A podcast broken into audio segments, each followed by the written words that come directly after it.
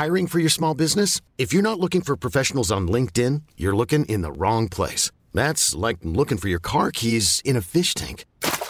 LinkedIn helps you hire professionals you can't find anywhere else, even those who aren't actively searching for a new job but might be open to the perfect role. In a given month, over 70% of LinkedIn users don't even visit other leading job sites. So start looking in the right place. With LinkedIn, you can hire professionals like a professional. Post your free job on linkedin.com slash achieve today. Hei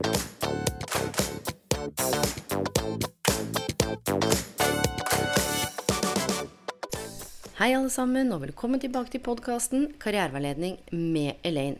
Nå er det en stund siden jeg har hatt en gjest, og da tenkte jeg at det var en gyllen mulighet til å ha en gjest som vil si er sånn sjeldent vesen. Eh, vært rundt ganske lenge i ulike former og farger. De fleste av dere vet ganske godt hvem hun er. Og det er ingen ringere enn Trine Rein. Velkommen til podkasten. Tusen takk. Du, det er en glede å ha deg her, og jeg er så glad for at du takket ja til å eh, ville være med midt i en busy schedule. For du skal vel straks ut på juleturné, eller? Det er helt riktig. Ehm, Det har vært en veldig annerledes oppkjøring til årets juleturné enn vanlig. Fordi ehm, vi ligger jo midt i en salgsprosess med huset vårt, og der ehm, Jeg har akkurat avsluttet en høstturné. og Vanligvis så er jo kalenderen min helt svart på denne tiden av året.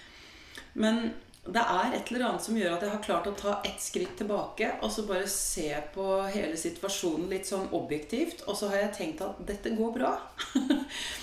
så, så nå det ruller og går. eh, Billettene selges litt sånn veldig bra her og ikke så bra der, men sånn er det jo for alle nå. Eh, og jeg har jo satt bort eh, all annonseringsjobben til et profesjonelt reklamebyrå, sånn at jeg kan slappe litt av med det. Eh, så bruker jeg veldig mye av det samme repertoaret som vi hadde i fjor. For i fjor så måtte vi jo avlyse en tredjedel av juleturneen midt i svevet pga. pandemien og restriksjoner. Så da var det jo veldig mange av de som hadde kjøpt billetter til eh, konsertene som rett og slett ikke fikk oppleve julegaven. Og, og da tenkte jeg at det, det var for bra konsert til å bare scratche. Så, så vi tar en copy-paste, og så legger vi til eh, en eh, ny spennende låt som Adrian Jørgensen kommer ut med i år. Det er jo gjesteartisten min. Eh, og så har vi jo lokale kor og masse nye kirker. Vi starter helt oppe i Nord-Norge. For en gangs skyld så skal jeg tekkes nordlendingene. Og mm, jeg gleder meg veldig til å komme av gårde. Det er også en litt ny følelse, fordi vanligvis så er jeg så stresset på den tiden her at jeg ikke klarer å glede meg. Men i år så gjør jeg faktisk det. Du, og det er så fint det du sier med at eh, For at julegaven, det er jo det konserten din heter. Og det er jo den opplevelsen eh, også folk skal sitte igjen med. tenker jeg. Altså, det er en julegave, og det kan jo være en førjulsgave å gi til noen en er glad i. Og det er jo noe med eh, dette med julen og gaver, og kanskje det har mista sin litt betydning. Sant? Forbrukersamfunn, kapitalismen. Men det å gjøre ting sammen. Altså, tid er kjærlighet, det. Og ikke nødvendigvis den ene genseren fra HM som du kan resirkulere og kjøpe på nytt som du har kjøpt til 11. Men det er også noe med å tenke en sånn type førjulsgave, eller i hvert fall ha en opplevelse med noen. Og hva er det som gjør at konserten heter Julegaven? Det er jo egentlig basert på en veldig spesiell opplevelse som jeg hadde for en del år siden, eh, helt tilbake på begynnelsen av 2000-tallet i Los Angeles. Jeg satt i en eh, kirke, hadde tatt veldig mange dårlige valg i livet mitt og endte opp i en situasjon hvor jeg ikke hadde jobb. Jeg hadde ikke noe sted å bo, og jeg hadde 900 dollar på kontoen. Og det er jo hva man kan kalle en ordentlig dannelsesreise.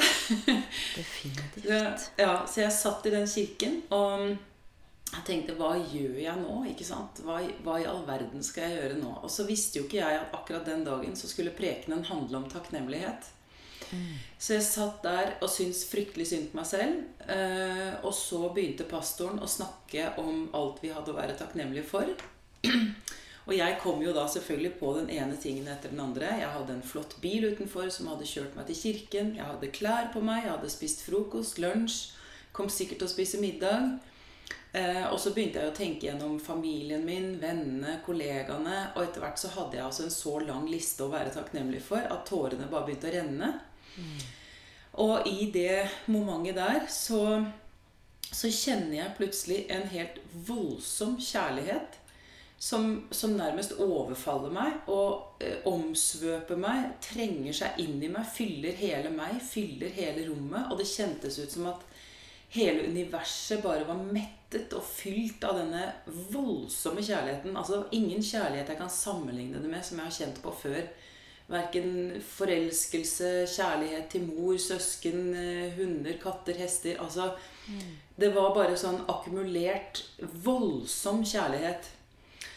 Og det var jo et skjellsettende øyeblikk. Um, og jeg husker at jeg tenkte at dette her, det må jo bare være Gud. Hvis det fins en Gud, så må det være sånn Gud er, og kommer til meg i dag for å, for å fortelle meg og hvor høyt elsket jeg er, og vi er. Og vi er så høyt elsket at vi kan ikke fatte det selv engang. Og da skjønte jeg jo fra det øyeblikket at ting kommer til å gå bra. Ting kommer til å ordne seg. Her sitter jeg uten jobb, uten et sted å bo. Ni, altså jeg har 900 dollar på kontoen. ikke sant? Hva gjør jeg?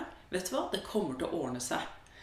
Og det var den eh, vissheten som jeg fikk, som liksom skapte et nytt fundament i livet mitt, og har mange, på mange måter definert livet mitt etterpå. Eh, og det var jo en enorm gave. Den gjør jo at jeg Jeg er ikke lenger redd for å dø. Men det som da er mye viktigere, er at jeg, har jo, jeg er i hvert fall ikke redd for å leve. Sånn at da, da vet jeg at nå kan jeg bare ta et skritt ut i intet hvis jeg har troa. Og hvis jeg vet at hvis jeg har lidenskap rundt et prosjekt eller noe, så bare kaster jeg meg ut i det, og så får det gå som det går. Um, og når det kommer altså utfordringer i, i livet, som det jo gjør hele tiden når man har levd en stund, så er jo livet en serie av oppturer og nedturer. Det vet vi jo, Oh, vi som yes. har levd en stund. ikke sant? Eh, og så ser man seg tilbake, så, så gikk det jo bra. Altså, Vi klarte oss jo. Jeg står jo her i dag. Jeg har spist frokost, jeg kommer til å spise lunsj, jeg kommer til å spise middag. Altså, Det kan godt hende det er litt kaldt om dagen pga. strømprisene, men da tar jeg på meg en ullgenser og noen ullsokker, og så går denne tiden også over etter hvert. ikke sant? Så, så det er jo på en måte Det var en gave jeg fikk, og det dannet jo da grunnlaget for å begynne å reise rundt med førjulskonserten min som jeg kalte julegaven. For dette her er jo en historie som jeg forteller i alle konsertene. Det er det, det, er det julegaven er bygget rundt, da. Så det er julegaven til de som kommer på konserten. Og eh, i tillegg så har jeg jo selvfølgelig med masse god julemusikk, både kjent og kjær, og noe som kanskje ikke alle har hørt, fordi at det er mine egne sanger.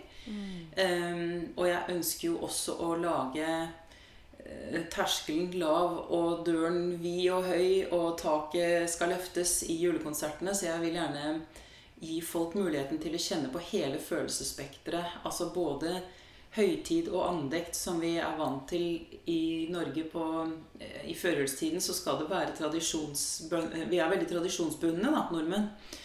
Og det ønsker jeg å innfri på.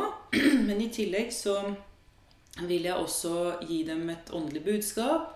Og så ønsker jeg å skape liv i kjerka. Jeg ønsker å få folk opp og stå. Eh, gjerne klappe, synge med, danse. Altså Jeg ønsker at folk skal gå ut av kirken med armene hevet over hodet. Syngende, smilende, dansende. Og virkelig feire jul. For det er jo noe å feire.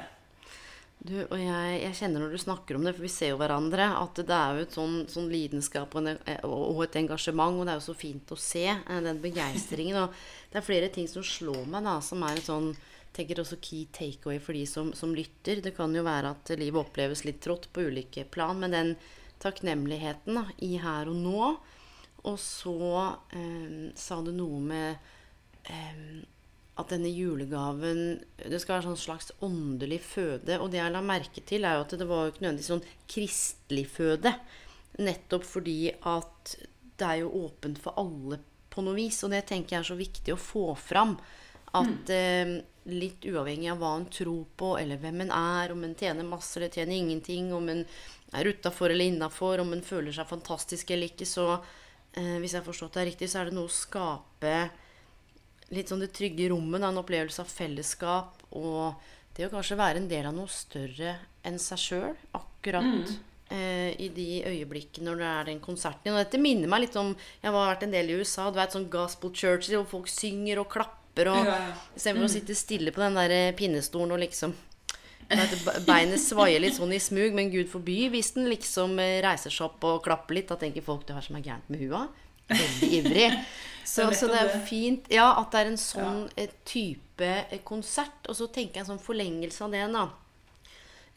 Hvordan går det an å dra en rød tråd til Når du var liten, var det sånn at du visste at det var sang og type konserter, eller det å underholde, bidra med, med stemmen din som vessel, eller som et slags verktøy ute i, ut i verden? Eller var det liksom noe helt annet? Nei, jeg skulle synge. Eh, Jeg vet ikke om jeg begynte å synge eller gå først, men jeg, jeg, jeg har alltid elsket å synge og lærte meg veldig tidlig hvordan platespilleren virket hjemme, og begynte å spille mammas LP-plater. og Jeg har et bilde av meg selv hvor jeg står med totten i munnen og så driver og setter på en plate på platespilleren mens jeg liksom danser ved siden av. Um, og da var jeg ganske liten. altså Når du suger på tommelen, så har du nok ikke begynt på skolen ennå. så um, så jeg, jeg har nok alltid ønsket å synge. Og um, i første klasse så hadde jo eh, læreren vår en spørrerunde blant eh, hele klassen og lurte på hva vi skulle bli når vi ble store. Og det syns jeg var litt morsomt, for da var det liksom den, Da skjønner du at en lærer som er voksen, har et større perspektiv på livet enn når man er seks år og begynner på skolen. Eller sju, som var på den tiden. da.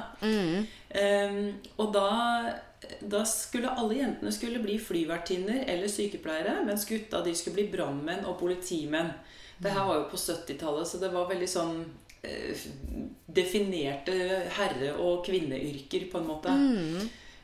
Men jeg skulle bli sangstjerne.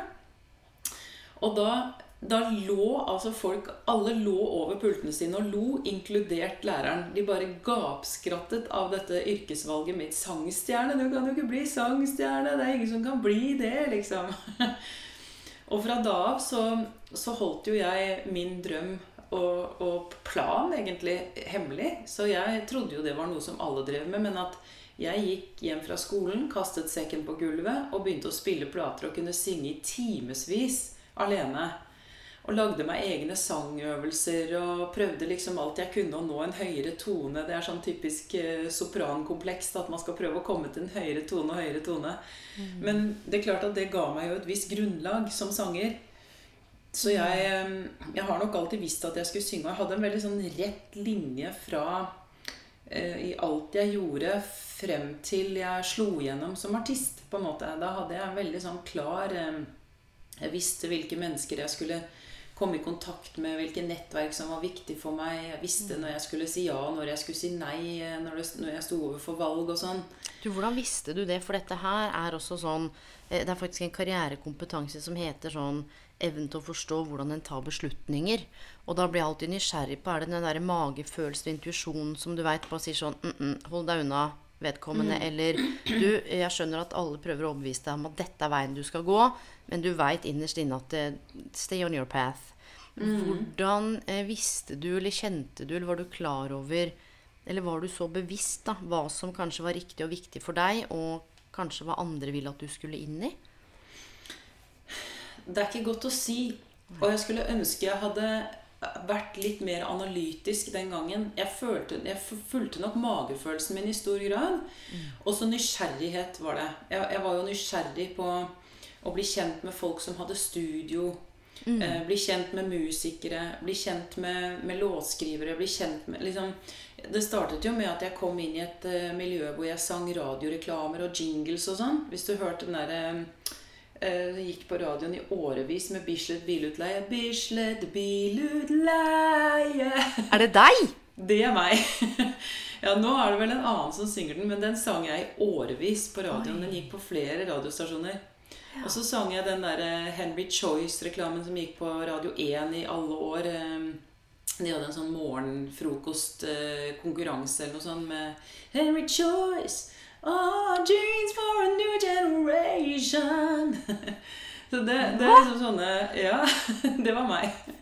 Var det det? Ja. Oi, det visste jeg ikke. Wow. Så, så da hadde jeg på en måte allerede kommet inn i et sånt studiomiljø hvor det var produsenter, det var musikere, det var liksom eh, Og derfra så var veien kort til å komme inn i et band, ikke sant? Eh, og så var liksom snøballen i gang, og så ble jeg invitert til å kore på et prosjekt til et annet band. Og det viste seg at det var jo ikke kordame de skulle ha, de skulle jo ha en leadsanger. Um, og så likte de det jeg gjorde på den første låten, og ville ha, ha meg til å synge på flere låter. Og til slutt så hadde jeg jo sunget refrenget på alle låtene på hele albumet. Og da ville de ha meg med i bandet. Uh, men dette var jo en, eh, en, en hva skal jeg si, en sjanger som ikke var helt uh, min smak. da. Det var, vi kalte det hiphop på den tiden, sånn på starten av 90-tallet. Ikke det som er hiphop i dag, men den gangen så var det Snap, KLF um, Altså Yes. alle disse låtene som hadde eh, rappevers, og så hadde de et sånt kort, uh, veldig sånn kraftig refreng med en sånn powerhouse-sanger med I got the power, ikke sant? Så jeg, jeg kom liksom med i et sånt band. Eh, men det var det andre bandet mitt eh, som var sånn coverband, som, som var liksom hovedfokuset mitt. Da. Der- fikk jeg være med å spille hver helg og tjente 500-700 kroner kanskje for å ha spilt en hel helg. ikke sant? Og så fikk jeg litt mer for disse jinglene som jeg gjorde i løpet av uken. da. Så det var levebrødet mitt fra ganske tidlig alder. Så det liksom bare gikk, gikk, gikk, gikk i riktig retning. Og så, så er jo egentlig tilbake til spørsmålet ditt. Så eh, lang historie kort, så slo jeg gjennom som soloartist i 1993 med Just Mr. Train. Da hadde jeg et plateselskap i ryggen. Jeg hadde et management som hadde fått en platekontrakt til meg. Og så smalt det. Og det ble jo en helt astronomisk suksess som forplantet seg helt bort til Japan etter hvert. ikke sant? Med reising og alt mulig. Men da, da hadde jo jeg liksom oppnådd drømmen min. Da, da var jeg der. Og hvordan skulle jeg gå videre? Og der kommer den derre Søren at jeg ikke analyserte litt bedre på vei dit. For det, når du liksom står der, så, så begynner man å se seg tilbake, se til- på konkurrentene, og så snubler man fordi man ikke ser fremover, ikke sant? Yes. Og så, eh, så var det faktisk veldig vanskelig å prøve å Hva skal jeg si eh, komme kom i nærheten av den første suksessen. da. Hvordan skulle jeg klare å liksom toppe det? Eh, og samtidig så kom jo Internett. Eh, de fleste begynte å få Internett. Og så begynte man med sånn share, shareware, Limewire, Pirate Bay altså Begynte å dele musikk gratis på nett, ikke sant? Og platesalget raste jo. Men eh, så lå jo bransjen egentlig ganske langt etter i forhold til å vurdere hva som var en hit, og hva som ikke var en hit. Så de gikk fortsatt bare på salgstall, ikke sant? På fysiske album. Og ingen monitorerte egentlig hvor mange ganger blir låtene delt på internett. så, så da så jo min eh, suksesskurve veldig negativ ut. For jeg gikk jo fra å selge 600 000 til å selge 300 000 album på det neste albumet. Og 100 000 på det tredje albumet. Og da fikk jeg jo bare så hatten passet med at nei, nå er det over, og nå går det dårlig og sånn. Men å selge 100 000 album i 1998 på verdensbasis, det var ikke noe dårlig salgstall. Eh, og dette var jo før vi hadde Spotify, og før, før alt liksom kom inn i såkalt ordnede former, da. Men, uh, men det, var, det var en veldig vanskelig tid å prøve å toppe en kjempesuksess på fra 1993. Du, dette, Så, dette er så viktig òg, fordi hva, hva er det hva er det som gjør um, altså dette presset med å toppe? Da? Er det? Hva er det som er ens egne krav og forventninger? Se ut, ut i samfunnet. En karriere. Kanskje du har hatt en, en lederstilling, eller du har hatt en jobb du elsker, en viss utdanning, og så kanskje du blir syk, faller ut av arbeidslivet, til og med gravid, permisjon. eh, Skjer ting som gjør at det endrer seg. Og så kommer man liksom aldri tilbake. Eller hvordan skal jeg klare å komme meg dit igjen? Hva er det som gjør at vi har den trangen, da, nå snakker jeg bare generelt, til å på en måte åh, vi vi må toppe? Um, for, for det du beskriver, var jo ett fenomen. Ikke sant? Og så isolere det, og så um, vil en jo skape et nytt fenomen i en annen kontekst. Og verden har jo beveget seg videre, du har beveget deg videre. Og jeg vet mange som lytter, de kjenner sånn Å, ja, men ikke sant, jeg skal bare tilbake til Hvordan tangerer jeg det? Hvordan bor det i oss? Hva er det for noe, Trine?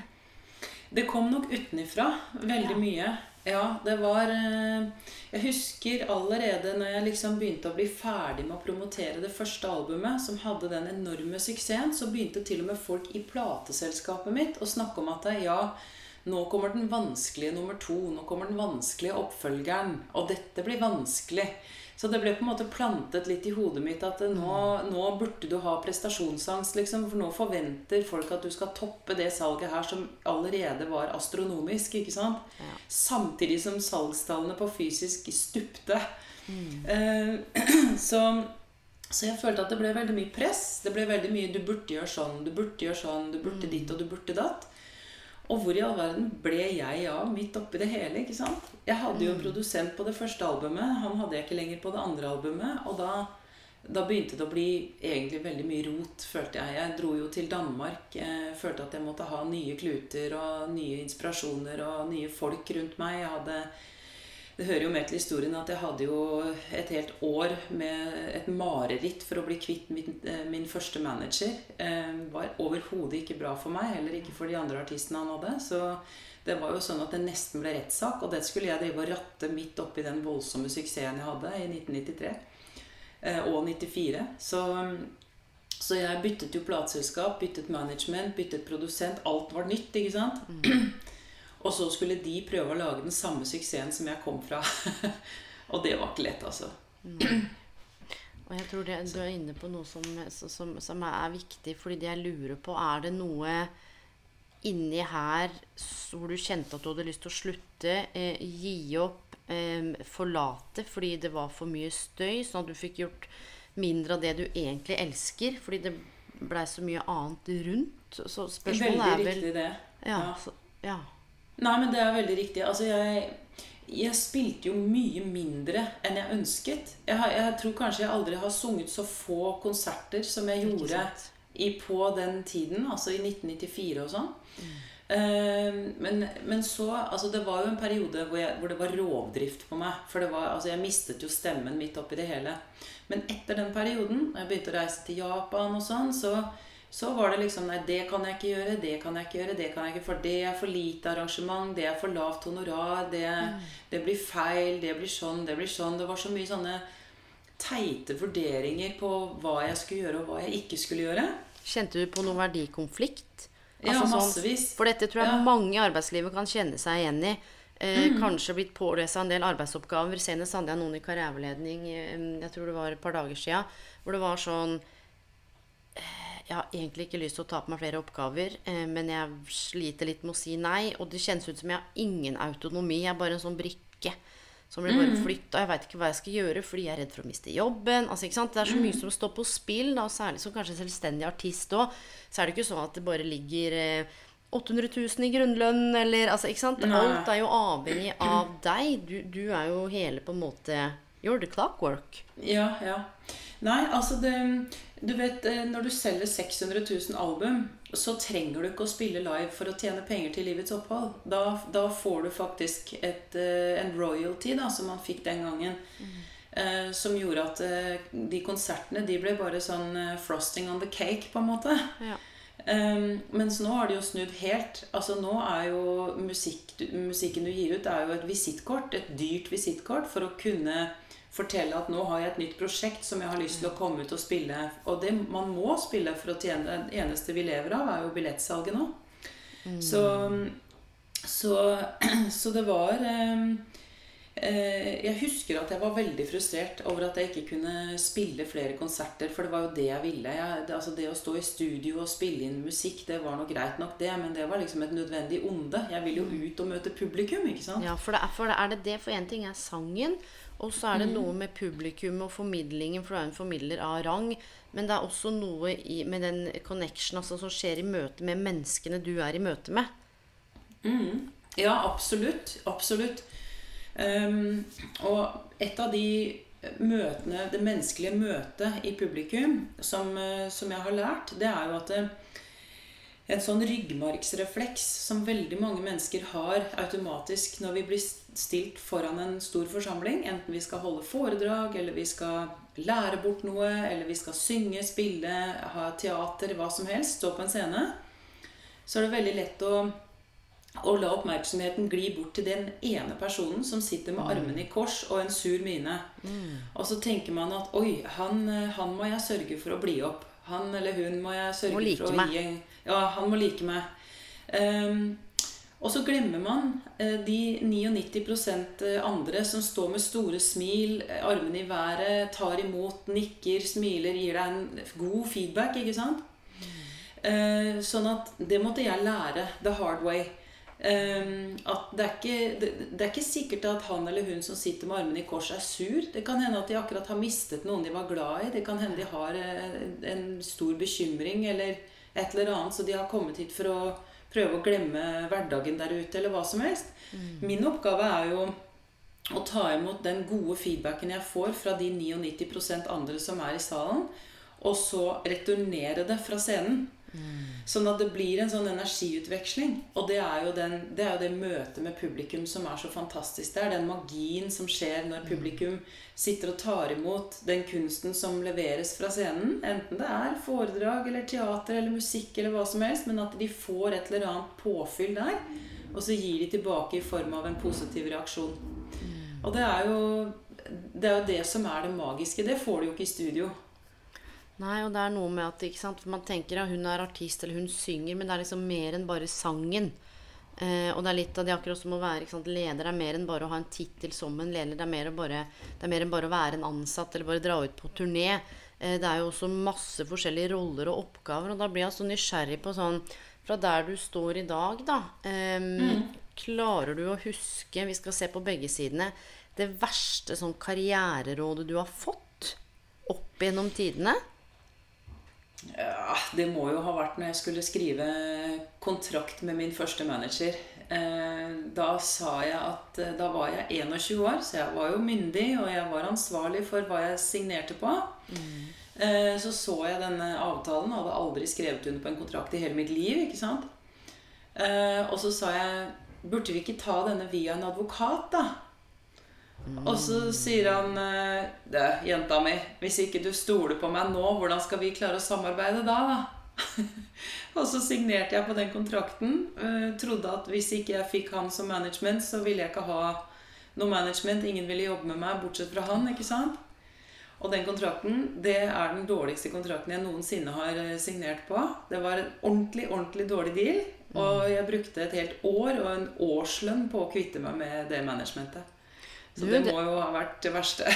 Du, og det du sier der, jeg skal bare sånn parallell Jeg hadde faktisk en i veiledning i går som sa sånn eh, Jeg er en jobb hvor, hvor altså det, det er ingen eh, grenser, det er ingen regler. Jeg blir nesten sånn eh, overkjørt timemessig og lessa på, og jeg tør ikke si ifra. Liksom er ikke så glad i konflikter. Og jeg tør ikke si opp jobben, fordi tenk deg hvordan det ser ut på CV-en min hvis jeg sier opp jobben og søker jobb og ikke ha, er i jobb. For da er det noen som hadde sagt sånn du, men du må bare holde ut i den jobben, ikke sant? For det ser jo helt vilt ut hvis du ikke er i to, to måneder med hull i CV-en. Da er det ingen som vil ha deg. Tårene Og så tenker jeg sånn du, Ja, men det er litt sånn det du sier, da. Så kom igjen, bare stol på meg. Bare stå i det. Bare holde ut. Selv om du kjenner at det liksom går på tvers av alt, da. Og for jeg tror ofte, og du sa det litt Du, vi veit litt sånn innerst inne når noe er ok eller ikke. Men så har vi jo ikke alltid verktøyene eller livserfaringen da, til å på en måte navigere det. For det hadde jo selvfølgelig vært noe, noe annet for deg nå. Og i, men i en forlengelse, da, hva er kanskje det beste karriereråd eller tips du har fått, hvor noen liksom har Ja, hvor du tenkte sånn mm, Spennende. Ja, hva er det? Det er eh, Jeg har jo fått mange råd, men jeg tror kanskje det beste rådet jeg fikk, det var av eh, ektemannen min, Lars. Han sa at du må ta kontroll. Eh, Du må ta kontroll på karrieren din selv. Og eh, med det mente han at jeg måtte ta eierskap i masterne mine. En master er jo det du spiller inn. Det er jo produktet du spiller inn. ikke sant? Sitte og eie rettighetene til det. Både altså, innspilling og det fysiske albumet, trykke opp platene selv, sørge for å ha distribusjon. Og, og rett og slett ta eierskap og sette seg inn i egen karriere. Hvordan funker dette her? Og for en som egentlig bare ønsker å synge, så er jo det en tung, stor, dødskjedelig materie. Men på den annen side så får man liksom mye bedre oversikt over karrieren sin på en måte som gjør at nå vet jeg hvordan det funker fra A til Å. Nå vet jeg hvilken jobb plateselskapet har gjort. Nå vet jeg hvilken jobb som må gjøres på promosiden, på annonseringssiden. Nå vet jeg hvilke budsjetter som ligger i bunnen.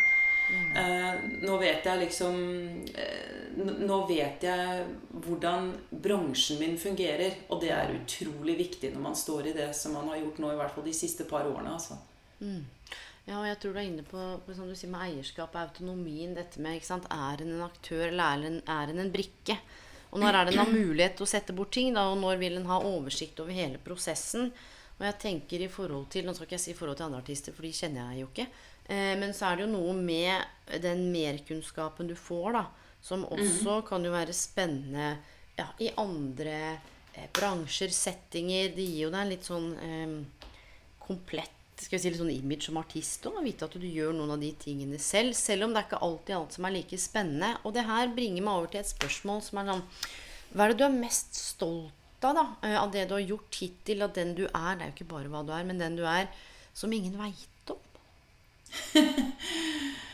Ja, det, det kan være ganske mye, egentlig. For det, det, det er de færreste som vet hva som skjer på bakrommet hos en artist på kontoret der. Altså, jeg har jo, jeg har jo lært meg videoredigering eh, til et visst nivå, da. Men det gjør jo at jeg har vært eh, i stand til å lage mine egne lyric-videoer. Eh, klippe og, og, ordne med det. Det er jo et ganske avansert program hvis man ikke egentlig driver med videoredigering. Og jeg har også lært meg en del altså i Adobe-serien. Det er jo den serien med InDesign og Photoshop og eh, Premiere Pro og eh, Alle de programmene der de har blitt et veldig viktig redskap for meg. Så det er nok de færreste som vet at eh, artistene selv sitter hjemme og knoter med sånne ting og bruker kanskje 95% av tiden sin på helt andre ting enn å faktisk synge, da. Og Ja, det er litt sånn er det- eh, Oi, new news. Altså, det tenker Ja. vi ikke over. Nei. Eh, også, Nå har jo ikke jeg laget meg noen sånn stor eh, profil på TikTok eller eh, Snapchat eller noe sånt nå, for jeg, jeg rett og slett føler Jeg orker ikke. Det er, min ryggmargsrefleks er ikke å filme meg selv i enhver situasjon. så det må jeg tvinge meg selv litt til å gjøre for å, for, å kommunisere med publikum. Da, men da blir det jo litt mer sånn naturlige videoer og bilder fra hverdagen min. Eh, og det går jo greit. Men eh, å drive og være superoppfinnsom på TikTok for å fortelle alle at jeg er kul, det, det er ikke meg. Du, altså, I feel you. Jeg blir jo 40 neste år, og jeg har ikke Snapchat, jeg har ikke TikTok.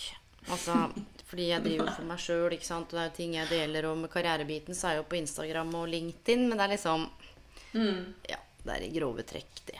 Sånn, eh, Ja, og, det, det, og det tenker jeg det må også gå an å leve i en verden hvor det er mulig. Eh, Mm. Selv om vi begge sikkert kunne vært på TikTok og så tjent noe penger der, eller nådd ut til noe. Men vet du hva, jeg tror bare en vet når en vet. Og jeg skal ikke si at jeg aldri skal på TikTok, eh, men jeg tenker at eh, ikke nå. Og det, og det, men du, det der er sånn litt sånn sosiale medier, hvilke flater man skal være på. Hvordan den Mm. skal la seg ikke presse, men hvis ikke du er der, så går du glipp av det. Og den derre FOMO, litt sånn fair of missing out, da. Hvis ikke Ja, du gjør sånn, så sjekk det. Og hvis ikke du er der, hvis ikke du henger med de, eller er på den festen, eller gjør det, eller gjør disse tingene, eller tar imot den sponsen. Jeg blir litt sånn Du går ikke an å bare liksom leve, leve livet sitt, og så bare do good work. Og så, og, så, og så vil det jo på en måte spre seg når det er av kvalitet. Men det er klart det er jo noen kanaler som er eh, viktigere enn andre. Det er ikke tvil om det. Men jeg tror er en på TikTok f.eks. Da må man ha med seg hjertet. Eller så blir det så platt. Er helt Sånn enig. Jeg tror man må innholdsløst. Og det syns. Du veit jo det. Kommunikasjon. Det syns jo. Det var ikke sant, intensjonen med Er det for å få masse penger og publikum, eller er det fordi du faktisk har noe å formidle? Det tror jeg folk eh, fanger opp. Og det her bringer meg over til et annet spørsmål. Sånn, er det noe i livet ditt eh, som du setter ekstra pris på, som du kanskje ikke tenker andre setter så mye pris på, eller som det snakkes sjeldent om? Ja, det er vanskelig spørsmål, da.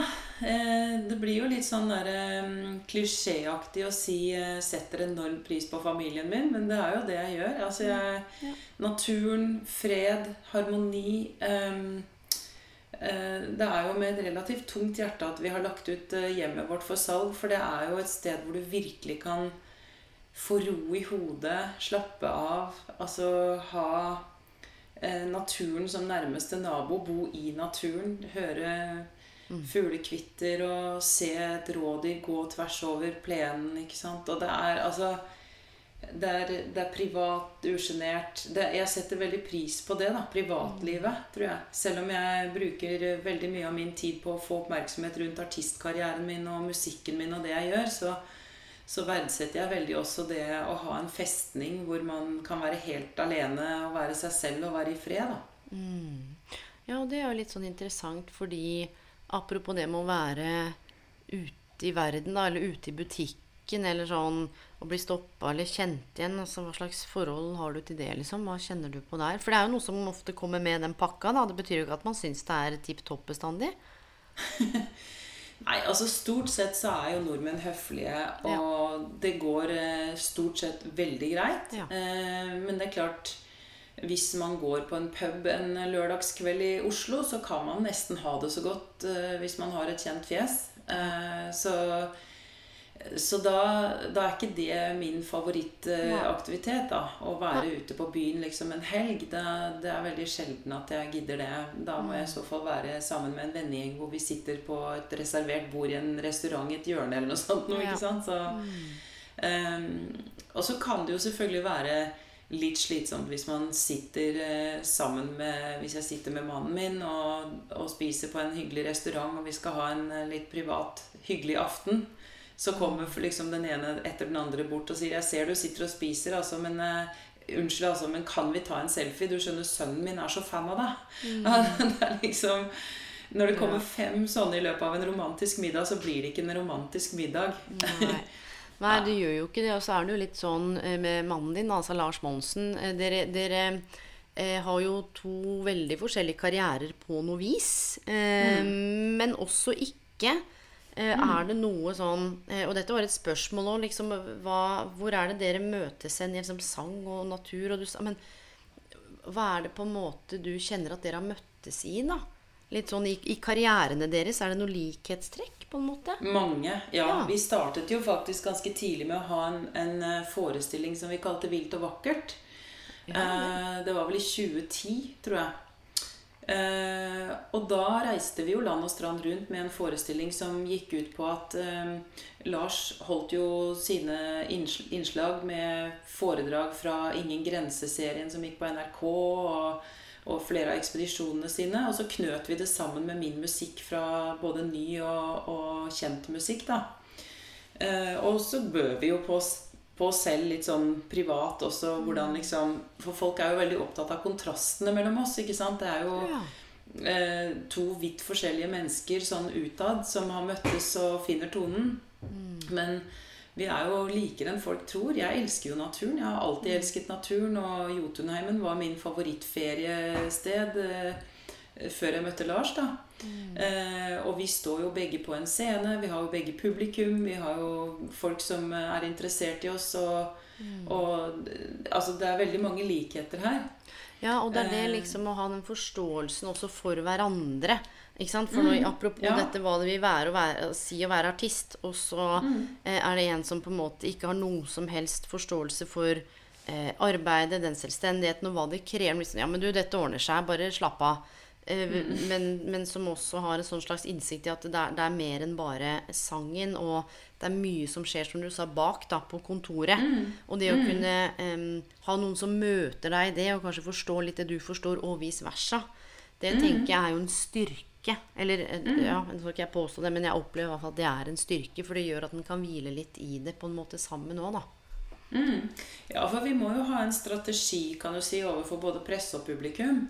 Eh, og da, der er det jo egentlig litt vanskelig å møtes på midten, fordi eh, Lars han har jo et yrke som ikke mange har. Jeg vil si nesten ingen. Hva er Sånn yrket hans? eh, Hva er yrkestittelen hans? Han er eventyrer, ekspedisjonsfarer, Ja. forfatter, programleder Altså Ja. han hundekjører. Han driver med så mye rart. Mm, Han driver jo også Femund Lodge, så han har jo vært altså, Han har så mange jern i ilden, så det er vanskelig å definere det. Men alt bunner jo i at han er en eh, erfaren villmarking da, som har eh, gjennomført noen ekspedisjoner som ingen andre har. Eh, mens mitt yrke, der er jo konkurransen eh, beinhard. Altså Du kan jo finne en sanger som synger fletta av meg på hvert hushjørne omtrent. ikke sant? Og da, eh, da er det jo mye viktigere for meg å få pressedekning på en turné f.eks., eller et albumslepp eller sånn. Det er veldig viktig for meg å få omtaler og, og, og artikler, og at folk eh, gidder å høre om den nye musikken min. ikke sant? Mens eh, for Lars sin del så kan han bare si nei til alt av presse, fordi han har jo TV-seriene sine på NRK og får mer enn nok promo der. ikke sant? Ja. Mm. ja, ja. Så derfor så er det litt vanskelig dette med Han vil helst ikke være i pressen i det hele tatt, mens jeg er nødt til å være det på mange måter. Ja, og det er noe som følger med jobben, da. Ja, På sett og vis. Um, Og jeg tenker at det, det bringer meg over til et vi nærmer oss hvert fall sakte, men sikkert slutten. Men hva er det du Det du står i nå, nå er det hussalg, og det er rett før julegaven liksom lanseres, og det er noen ting med oppkjøringa. Hva er det du lærer mest av om dagen? Det er jo noen motbakker nå som jeg aldri har opplevd maken til. Eh, Først to år med pandemi og avlyste konserter gjennom to år. Altså en omsetningsstopp på to år. Det, det er eh, Det er nok en dannelsesreise, for å si det sånn. Og så hadde vi jo forventet at eh, det skulle nærmest bli en bonanza når restriksjonene ble lettet og alt åpnet igjen. Og da kommer strømprisene, så kommer krigen i Ukraina. Så kommer høyere rente på lånene, så kommer høyere drivstoffpriser, så kommer høyere matpriser, og folk vet ikke om de skal betale strømmen, husleia eller spise mat. ikke sant?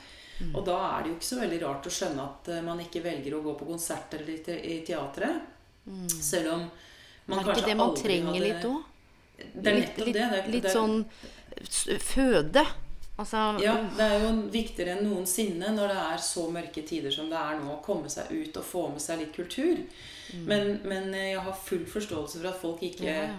ikke kan. ikke sant? Selvfølgelig. Ja, så, så nå i, i kulturnæringen så er det Det er en del resignasjon. Det er en del eh, eh, eh, sinne, raseri. Eh, Det er vanskelig å vite hvordan vi skal få kulturen til å, å stå på to bein etter eh, dette her. Og når er det over, egentlig? Kommer strømprisene til, til å etablere seg på et så høyt nivå som de er? Og det samme med drivstoff, liksom. Mm. Så det er, det er eh, mørke tider nå, og det betyr at eh, du spør hva jeg lærer akkurat nå. Jeg lærer at jeg må tvinge meg selv til å tenke nytt og helt annerledes. Eh, Og kanskje se på hva jeg kan eh, som en ressurs som kanskje kan brukes på andre ting enn det jeg har gjort frem til nå. Eh, Så det handler om å sette seg ned og analysere hva er det jeg egentlig kan. Hvor kan det være bruk for meg? Altså, Kan jeg fortsatt synge og leve av det? Og i så fall på hvilken måte skal jeg gjøre det? Um, så så det, jeg tror jo folk som deg kommer til å ha mye å gjøre fremover. Og kanskje spesielt i kultursektoren og, og restaurantbransjen. Du vet Der hva, jeg, jeg kjenner når du snakker at det er nesten sånn Jeg, får, jeg, jeg, jeg blir sånn rørt. Det er ikke som jeg får lyst til å, å begynne å gråte litt. Fordi uh, det er noe sånn veldig sånn eh, stort over at du uh, har jo liksom funnet kallet ditt. På, på sett og vis, som er jo en gave. Fordi jeg tror 80% av de jeg møter på, bare aner aldri helt hva de skal gjøre. Eh, Så man går rundt og famler i blinde og finner aldri noe som liksom treffer en helt. Kanskje fordi også en ikke har lett ordentlig, fordi vi venter Det er sånn der external validation, ikke sant. Og nå må noen fortelle meg hvem jeg er i verden. Men så veit vi at den hemmeligheten, den skatten, er jo ganske godt begravd i oss. Og du har jo den skatten så tydelig, og den eh, litt sånn eh, smerten jeg kjenner på over at um, Så kan man si ilandsproblem eller ikke, ikke sant? skal man gjøre karriereendring. Men sånn Vi har funnet noe, men det er ikke sikkert at en kan leve det fullt ut når en vet at det er det som er godt for sjela. Em, Og det er jo flere, og jeg ser jo arbeidsmarkedet, vi roper jo om sånn Å, det er så fantastisk arbeidsmarked, og wow! Du, det sitter sjukt mange på utsida som sliter noe helt enormt med å komme seg inn. Og lav arbeidsledighet, og rapporter viser bare du har en mastergrad eller høyere utdanning. Yes, da skal det gå deg godt. Men herregud, det er vel ikke Vi, vi trenger jo alle. Og det er klart at det er som du sier, det kan jo være noe med talentene, egenskapene, erfaringene som kan krysses, vris på, eh, som kan benyttes og som kan komme andre til gode på måter en ikke har tenkt. da. Så, så det bare slo meg det du sa med å tenke nytt og tenke annerledes. Det er liksom sånn Ja.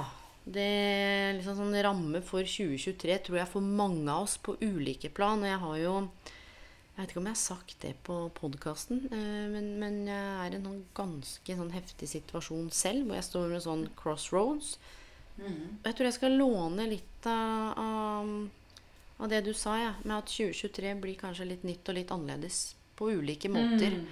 Um, og, dette er, og det er et spørsmål er i forlengelse av dette før vi skal avslutte. og det er sånn eh, Hvordan vet man hva slags endringer en trenger? Det er litt sånn retorisk bare. Det er jo ikke noe fasit. Og hva er forskjellen på liksom du ber om hjelp til å se litt på situasjonen, eller gjøre en endring? Hvordan veit en hva en trenger? Mm. Nei, det er ikke godt å si. Altså. Men jeg tror jo at som karriereveileder så er det jo akkurat sånne personer som deg man vil henvende seg til. Eh, og prøve Takk. å ja, altså kartlegge hva altså Hvis jeg legger alle kortene mine på bordet, kan du se hva jeg kan spille da? ikke sant? Oh, kan jeg spille poker? Kan jeg spille bridge? Kan jeg spille Ikke sant? Mm. Hva, er det, hva slags kort har jeg her? Hmm. Så um, Og du, jeg må bare det... koble meg på den metaforen, for vet du hva, her kommer mm. det noe viktig. Av og til når noen legger kortene sine på bordet, så kan de vise meg eh, det de selv opplever er litt sånn dårlig kort og dårlige hender. Eh, mm. Mens med mitt blikk da, og den konteksten og den hatten jeg har på, så ser jeg jo vanvittig mye spennende muligheter. Eh, og så er det ofte et gap mellom de mulighetene jeg kan se, og de opplevde muligheten en har selv, som er så snevra inn at den kjennes ut som hun har på seg en tvangstrøye. Og da hjelper det lite at jeg sier men herregud, du har bare S, og dette ordner seg. Hvis en ikke opplever det sjøl. Så det er både ja. hvilke kort har en å spille med, men hvordan har man kommet til det at en tenker Hvordan en tenker om de kortene en har på hånda. Hvordan blei det sånn? Når er det en tenkte at knekt egentlig ikke var bra nok, eller at S er jo egentlig en ener og ikke kruttkortet? Og så se på de tingene der. Både legge ut kortet, men å forstå hvor kommer disse tankene og følelsene om at kortene ikke er nok. Eller hvor en skal begynne å mm. spille de. Da. Det er sykt spennende. For det er ofte mm. der litt av den eh, forløsningen ligger også. Da kan en begynne å liksom få vridd kompetansen. Og se Oi, hei, denne hånda her har jeg ikke sett før. Oh, nå er jeg med på mm. vriotter og gris i tillegg. Um, ja. Så det var en veldig spennende metafor, da. Og så er det mm. Det er veldig mange som sitter aleine med tanker om karrieretrinnet. Akkurat som om ja, det er noe man skal fikse sjøl. Masse karriereskram. Skam, er jeg nok? Hva kan jeg bli? Uff, er det noen andre? Og, og det at du er såpass ærlig nå, eh, det tror jeg er, er, ganske sjeldent. Det er ikke mange artister som liksom Du, eh, noen ganger så har jeg vurdert, eller akkurat nå så lærer jeg at jeg kanskje må vurdere å tenke annerledes. Mm. Det... Ja, men jeg har vært åpen med det. Jeg har jo skrevet det i sosiale medier og sånt nå, at eh, jeg, jeg vet faktisk ikke om eh, firmaet mitt består etter årets juleturné. Jeg er helt avhengig av at den går bra. Mm. Eh, for jeg har nå lagt alle eggene i en kurv.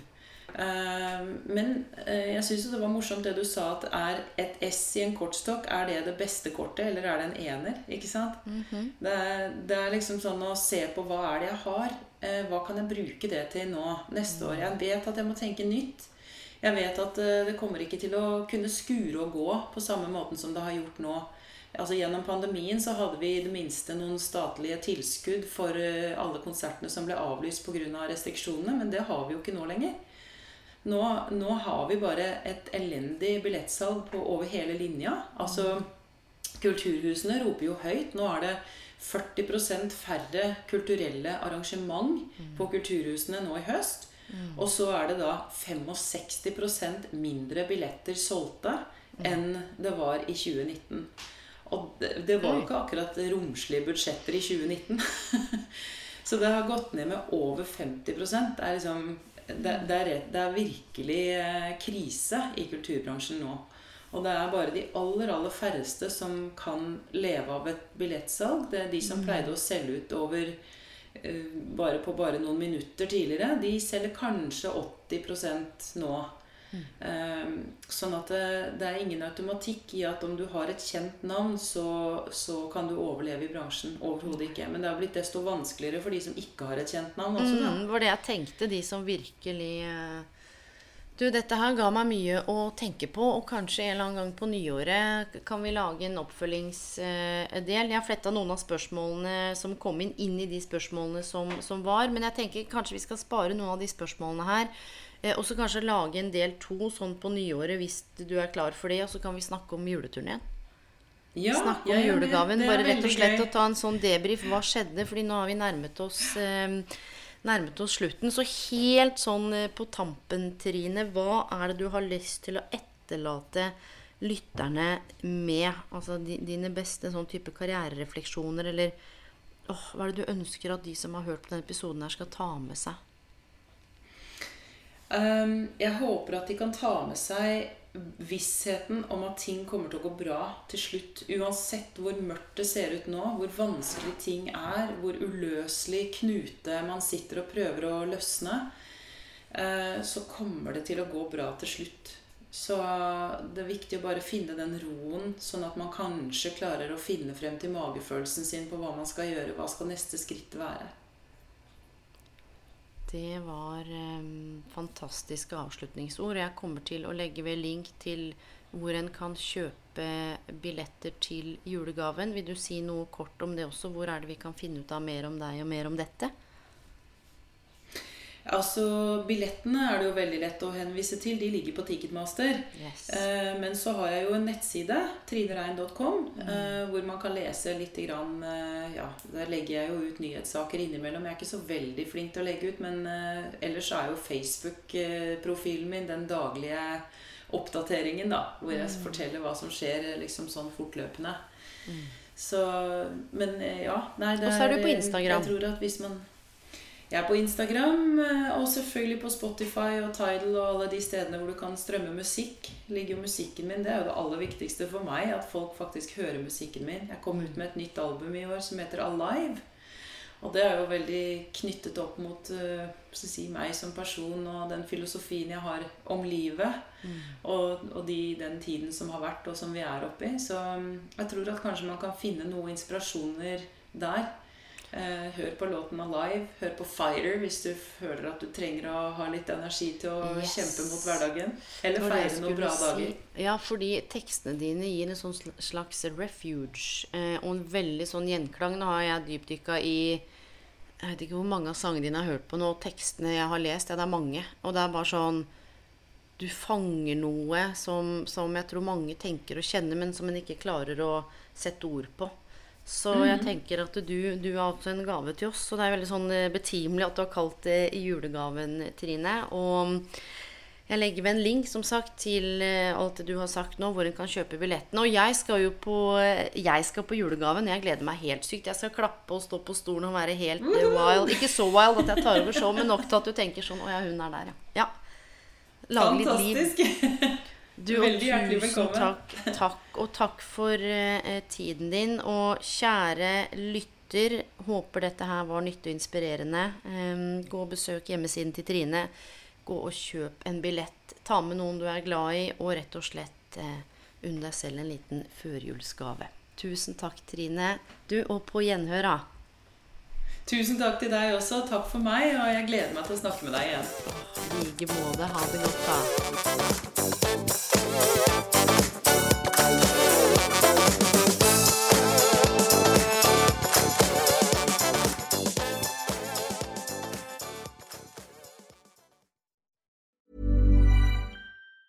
Planning for your next trip? Elevate your travel style with Quince. Quince has all the jet setting essentials you'll want for your next getaway, like European linen, premium luggage options, buttery soft Italian leather bags, and so much more. And it's all priced at 50 to 80% less than similar brands. Plus, Quince only works with factories that use safe and ethical manufacturing practices. Pack your bags with high-quality essentials you'll be wearing for vacations to come with Quince. Go to quince.com slash trip for free shipping and 365-day returns. My business used to be weighed down by the complexities of in person payments. Then, Tap to Pay on iPhone and Stripe came along and changed everything. With Tap to Pay on iPhone and Stripe, I streamlined my payment process effortlessly. Now I can accept in person, contactless payments right from my iPhone. No extra hardware required. What's truly remarkable is how I can cater to all of my customers' payment preferences. Whether they're using cards, Apple Pay, or other digital wallets, Tap to Pay on iPhone and Stripe ensure a smooth checkout experience every time. And it's not just me. Stripe helps businesses of all sizes, from local markets to global retailers, scale quickly and stay agile. To learn how Tap to Pay on iPhone and Stripe can help grow your revenue and reach, visit stripe.com slash tap iPhone.